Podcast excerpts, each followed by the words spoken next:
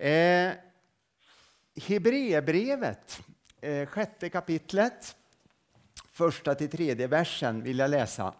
Och det handlar om de första grunderna i den kristna tron. Eh, Hebreerbrevet är ju en, eh, om brukar säga i Svenska kyrkan talar man om episteltext.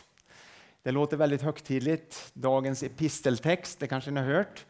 Eh, och brev, det är ju det det betyder, epistel, så breven är ju epistlar. Man frågade en liten pojke i söndagsskolan vad en epistel är och det är inte så lätt att veta, men han hade en finurlig idé. Han sa det måste vara, vara hustrun till en apostel, epistel. ja, så då vet ni det. Men Hebreerbrevet är en epistel och det är sjätte kapitlet 1-3 och det kommer upp här på skärmen. Och vi ska läsa de verserna. Låt oss därför lämna bakom oss de första grunderna i Kristi lära och föras mot fullkomningen och inte lägga grunden igen med omvändelse från döda gärningar och tro på Gud med undervisning om dop och handpåläggning om det dödas uppståndelse och evig dom. Ja, så vill vi göra om Gud tillåter. Herre, välsigna ordet på våra hjärtan den här stunden. Tack att du är med oss. I Jesu namn. Amen. Lägga bakom oss de första grunderna.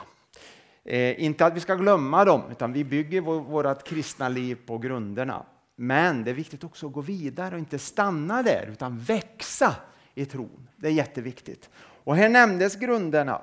Omvändelse och tro hör ihop. Det är en viktig grund i den, i den kristna tron. Det går inte att skilja åt.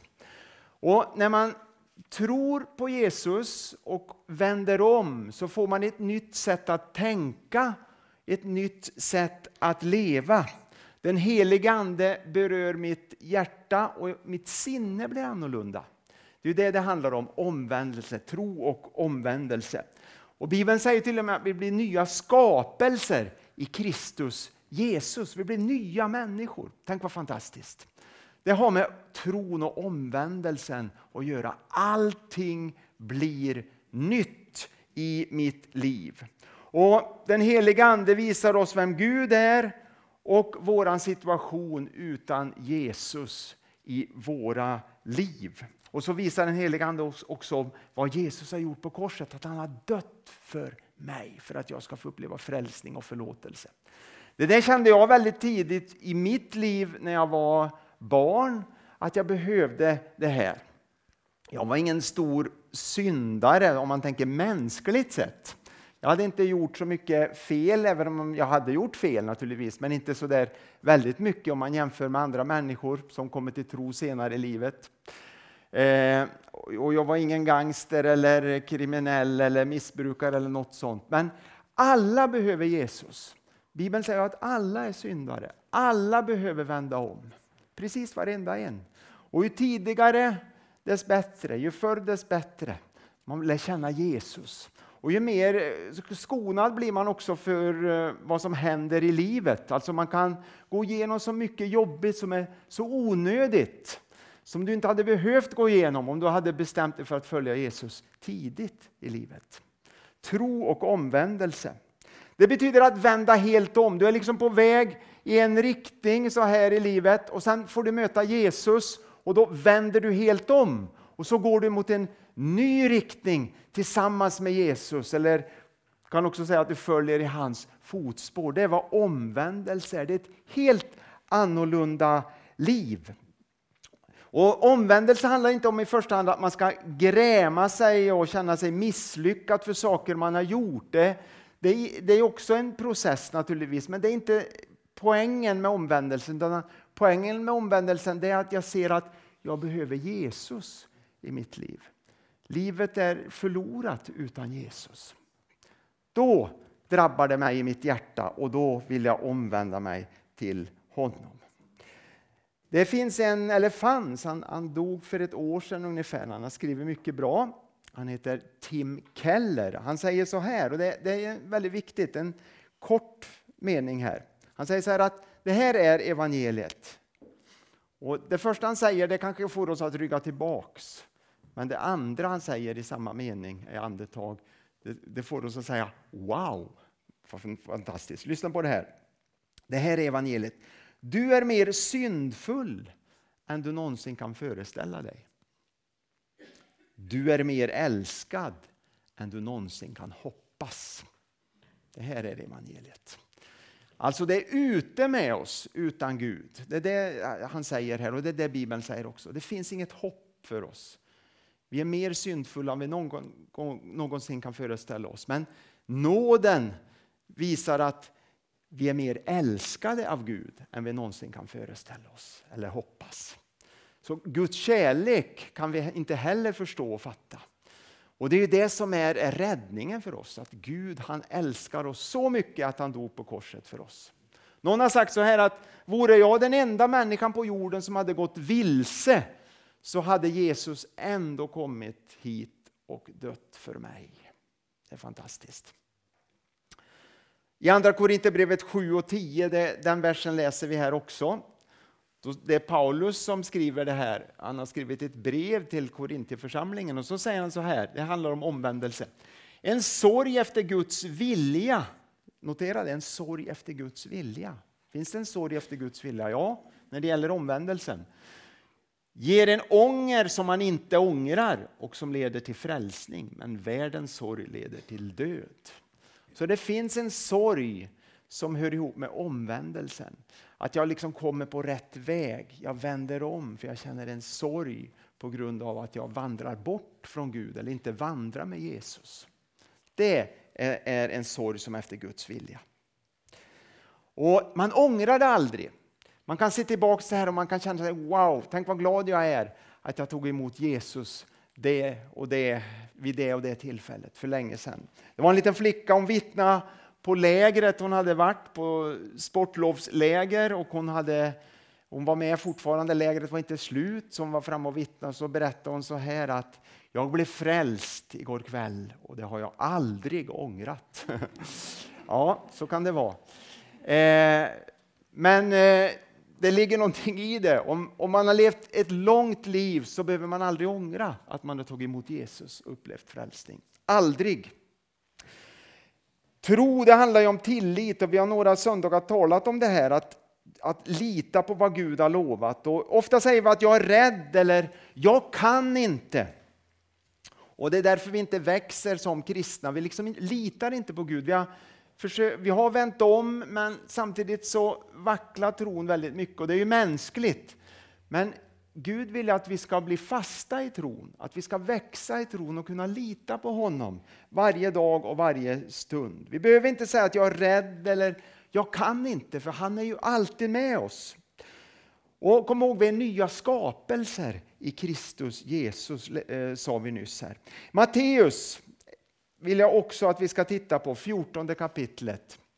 22 eller förlåt, inte riktigt 25 versen och så till 33 versen. Och vi ska läsa det sammanhanget. Det är en känd berättelse som man ofta talar om. det här att Tror du verkligen på det här att Jesus gick på vattnet? Det hör man ofta och så får man stå till svars för det. Tror man verkligen det?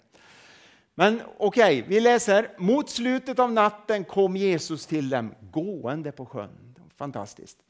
När lärjungarna fick se honom gå på sjön blev de förskräckta och sa det är ett spöke. Och de skrek av rädsla. Det skulle nog jag och du också göra tror jag. Även om det var fantastiskt så, eh, så skulle vi nog kanske ha samma upplevelse. Men genast sa Jesus till dem, var lugna, det är jag, var inte rädda. Det är jag, eller jag är. Det är Jahve i Gamla Testamentet. Det är ju visar att han är Gud. Det är ju namnet på Gud i Gamla testamentet för judarna. Och det säger Jesus här. Jag är. Det är jag. Det har samma betydelse. Var inte rädda. Tänk vad fantastiskt. Himlens och jordens och universums skapare är med oss. Var inte rädda. Vi behöver inte vara rädda. Petrus svarade, Herre, om det är du så befall mig att komma till dig på vattnet. Han sa, kom. Petrus steg ur båten och gick på vattnet fram till Jesus. Men när han såg hur stark vinden var blev han rädd. Han började sjunka och ropa Herre, rädda mig! Genast sträckte Jesus ut handen och grep tag i honom och sa Så lite tro du har, varför tvivlade du? Då steg, det steg i båten och vinden lade sig. Och det som var i båten tillbad honom och sa, du är verkligen Guds son. Ja, rädda mig, Jesus rädda mig, ropar Petrus här. Och eh, Det var någon som sa så här att hade Petrus bett en lång bön som vi ofta gör, då hade han drunknat. Det var en kort bön. Jesus, rädda mig. Och Gud hör våra böner när de är från hjärtat. Då behöver det inte vara långa böner. Det kan vara långa böner ibland, det, det hör till också. Men ibland räcker det med korta böner. Jesus, rädda mig. Och vad gjorde Jesus? Han sträckte genast ut handen och så drog han upp Petrus ur vattnet och räddade honom. Tänk vad fantastiskt. Och Det stormar ibland, och ibland är stormarna väldigt höga och vi förstår att lärjungarna var rädda. Jag vet inte om du har varit i, i, på sjön någon gång där det har stormat och blåst väldigt mycket. Man blir orolig. Eller suttit i ett flygplan och det, det skakar och så här. För, eh, Eh, ja, luftgropar och allt vad det är. Det, det, är lite läskigt, inte så lite heller. Och, eh, men han är alltid med oss. Och det kommer att storma, det kommer att skaka i livet, men han finns alltid där och vi kan ropa på honom och han sträcker ut handen och han räddar oss. Sen förebrår Jesus eh, Petrus för att han hade lite tro. Varför tvivlade du? Och det är ju så, vi, våra känslor går upp och ner och ibland så tvivlar vi, ibland känns vi starkare i tron. Men Gud vill att vi ska växa i det här och kunna lita mera på att Herren är med oss. Det finns en annan kort bön också jag tänkte på. Det står så här i, det är Lukas säger så, eh, citerar exakt en av rövarna vi, vi, som hängde vid sidan av korset. Han säger så här, Jesus, tänk på mig när du kommer i ditt rike. Tänk på mig när du kommer i ditt rike. Det var en kort bön. Var den tillräcklig? Ja, den var tillräcklig. Jag säger dig sanningen. Kan man få göra något, större? Finns det något mer fantastiskt ord egentligen i Bibeln än det här? Jag säger dig sanningen. Idag ska du vara med mig i paradiset. Han blev räddad för den, den korta bönen, men den var från hjärtat, den var uppriktig. Det står om handpåläggning och jag ska inte utveckla det så mycket som en av grunderna också. Tro, omvändelse, handpåläggning och dop. Dop har vi ju sett varit med om här. Det är en av grunderna i den första kristna tron. Dopet visar ju vad som har skett i mitt hjärta och mitt sinne. Ett beslut jag har tagit. Och det, det är en bekräftelse på, på det beslutet jag, jag har tagit. Och visar jag det för Gud naturligtvis, för Jesus, att jag vill följa honom. Men jag visar också det för människor, att jag vill följa Jesus. Men för hela den andliga världen skulle man kunna säga, eh, vill jag visa att jag vill följa Jesus. Jag vill tro på honom och leva för honom. Därför döp, låter jag mig döpas också. Och Det är någonting jag lever i varje dag. Det är inte bara en episod eller händelse som jag skriver ner i almanackan. Det kan ju vara fint att, att skriva ner att 18 februari 2000. Och det kan vara ett fint minne. Och jag sa inledningsvis här också att jag minns den där junikvällen, en lördagskväll uppe i Dalarna i Elimkapellet när jag döptes. Jag var 12 år gammal. Vi hade besök. Det var stort då när man hade besök från annat håll. Det var en ungdomskör från självaste Philadelphia-kyrkan i Stockholm. Kan ni tänka er? I det lilla kapellet som sjöng.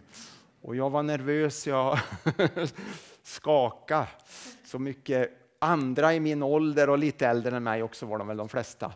Eh, och så var det en, en kvinna till som, som döptes vid samma tillfälle. Så jag var så nervös så efter dopet så, så förväxlade jag kläderna med pastorn, den gamle pastorn, så jag tog mig på hans kläder först. så sa han, nu har du nog gjort något fel här.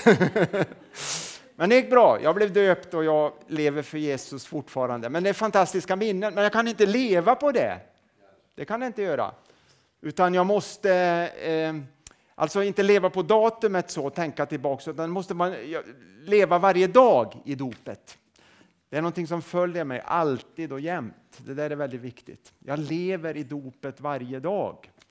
Det var 1900 73 och idag är det 2024, så jag lever i dopet. Det var en viktig händelse, Men det får inte bara vara någonting som är passerat, utan det gäller idag. Det där är viktigt. Och handpåläggning, det ju, handlar ju om bön och den heliga Ande. Så tolkar man det i alla fall när man läser den här texten. Det är en kanal för Guds kraft, handpåläggning, välsignelse. Man brukar lägga händerna på de som har döpts efter dopet. Vi ska göra det sen i slutet innan vi tar kaffet sen. Ska vi be för de som har döpts, lägga händerna på dem och välsigna dem. Och be att de blir fyllda med Guds kraft och den heliga Ande. Och det är det det handlar om, den helige Andes kraft. En välsignelse, handpåläggningen. Det finns mycket, mycket om det här med handpåläggning idag. Det finns mycket healers och det finns mycket sådana här som talar om energier och så här. Och talar mycket om det mänsklig kraft och man kan få för sig att vissa människor har en speciell gåva och sådär. Men det, det, är inte det det handlar om när det är kristen tro, utan det handlar om att vara en kanal för den helige Ande. Jag får vara en kanal, en enkel vanlig människa av kött och blod får vara en kanal för den helige Ande. Och så välsignar han mig och så ger han mig kraft. Och jag får vara med och be för, för människor och se under och tecken ske och människor blir fyllda av den helige Ande. Det är ju fantastiskt. Eh, det händer någonting i en människas liv när hon blir fylld av den helige Ande. Jag vet att min gamla mormor hon berättade, i, också när jag är tillbaka i Dalarna, lite nostalgisk här, men, men eh, hon berättade att när pingstväckelsen kom, då människor blev fyllda av den heliga Ande, då var det en baptistförsamling. Då hade man inte upplevt det med den helige ande eller andedopet. Men när de blev fyllda av anden, då hände någonting i de här gamla baptisterna. De blev annorlunda på något sätt. De hade ju Jesus innan och tron och de var, var kristna, men de, de la av med vissa dåliga vanor som de hade. De blev liksom fria människor på ett annat sätt. De blev omvända fast de fortfarande var fast de var redan kristna. så att säga. Det hände någonting speciellt när de blev fyllda av Anden. Och det här med tungotalet kom ju också över, över människor och, och, andra tecken också. Och jag tänkte på att det, det fanns en evangelist som hette Frank Mangs.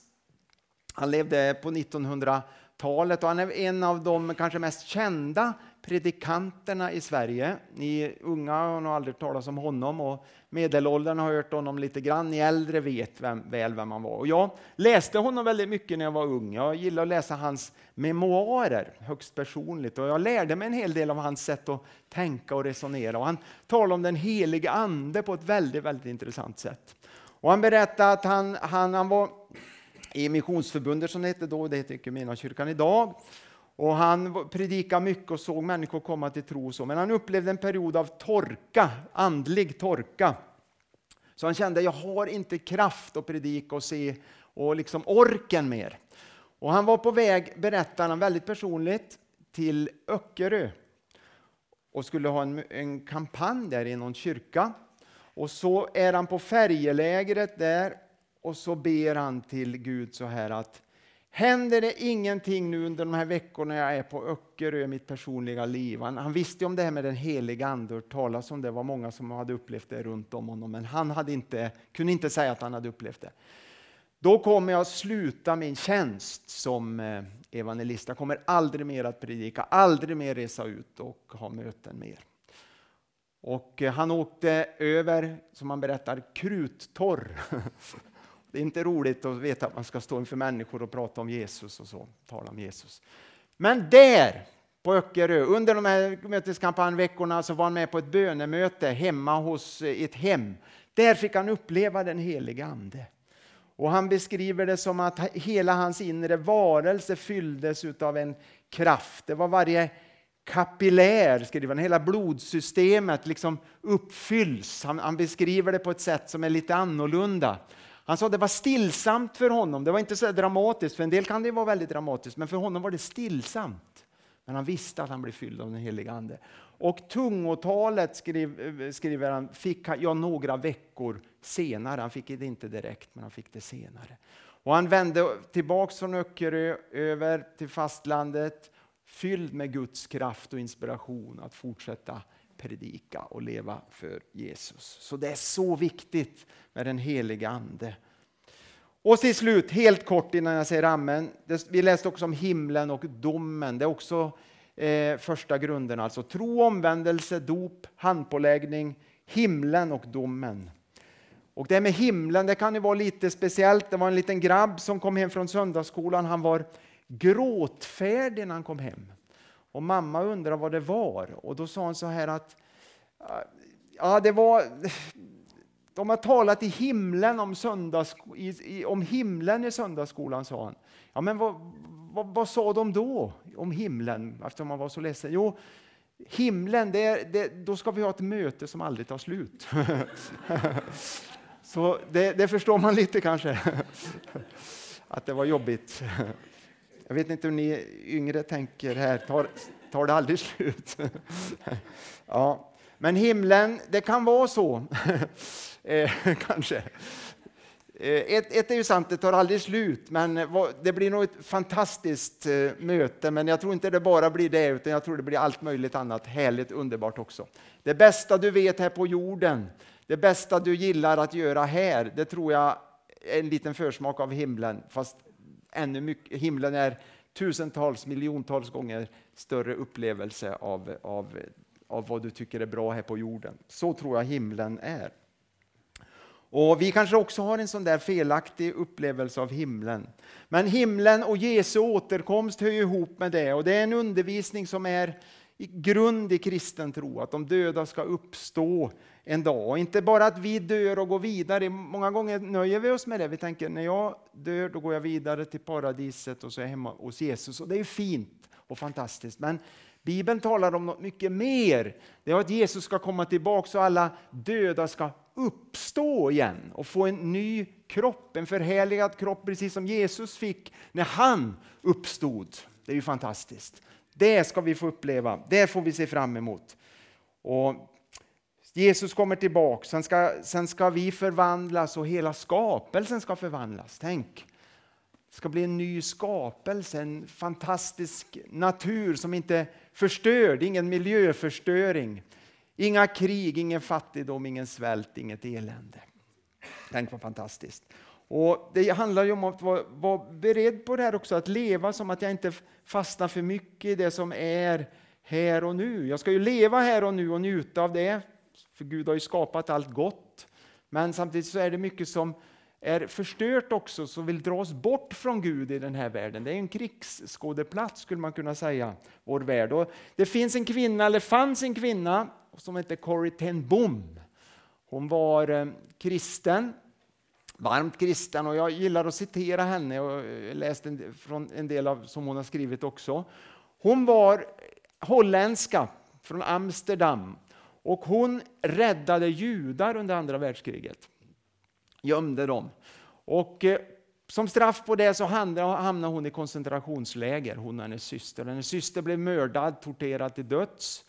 Eh, hon överlevde. Hon var inte judinna själv, men hon Jobba för att hjälpa judar. Men en stark kristen eh, eh, förkunnare och har betytt mycket efteråt och talar mycket om bön och sånt här och också lidande i tron och så. Men hon säger så här, och det här är väldigt, väldigt tänkvärt, som gäller mig och som gäller dig också, som hon hade tagit till sig för att inte bli för fast i det här som är här och nu. Hon sa så här, jag har lärt mig att hålla löst i alla saker så Gud inte måste bända dem ut ur mina händer hålla allt löst. Annars kanske Gud måste dra saker ur våra händer. Men har vi det löst, då är vi alltid beredda. När Jesus kommer, då är vi redo. Och så domen, att det onda ska få sitt slut, att total rättvisa ska skipas. Det är vårt hopp.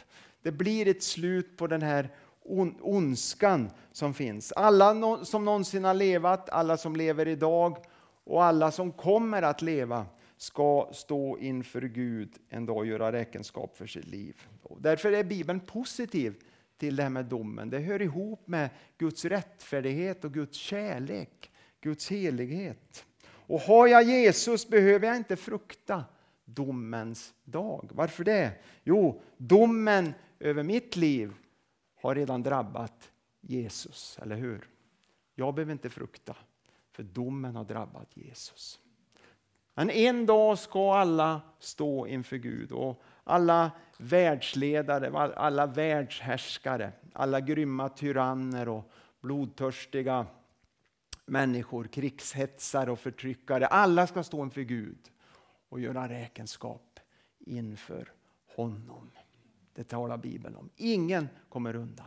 Men Jesus han har tagit domen på sig. Det är ju det fantastiska budskapet. Det är ju en grundbult i den kristna tron. Det var några ord härifrån Hebreerbrevet, grunden i den kristna tron. Vi får ta till oss det och leva i det, men också gå vidare och växa i gemenskap med Jesus. Herre, tack för den här söndag förmiddagen. Tack för mina vänner, bröder och systrar här. Tack att du välsignar dem var och en, Herre. Du ser både ung, du ser medelålder och du ser äldre, Herre. Tack att du vill hjälpa oss att, att bygga vårt liv på grunderna, Herre. Grunderna i tron. Åh, Herre, tack för omvändelsen och tron. Tack för dopet, Herre. Tack för din heliga Ande och förbönen. Vi tackar dig för det, Gud. Tack också för att det finns en framtid, ett hopp. Det finns en himmel, att du kommer komma tillbaka, Jesus. Och du kommer också skipa rättvisa, rättfärdigheten ska segra. Vi tackar dig för det. I Jesu namn. Amen.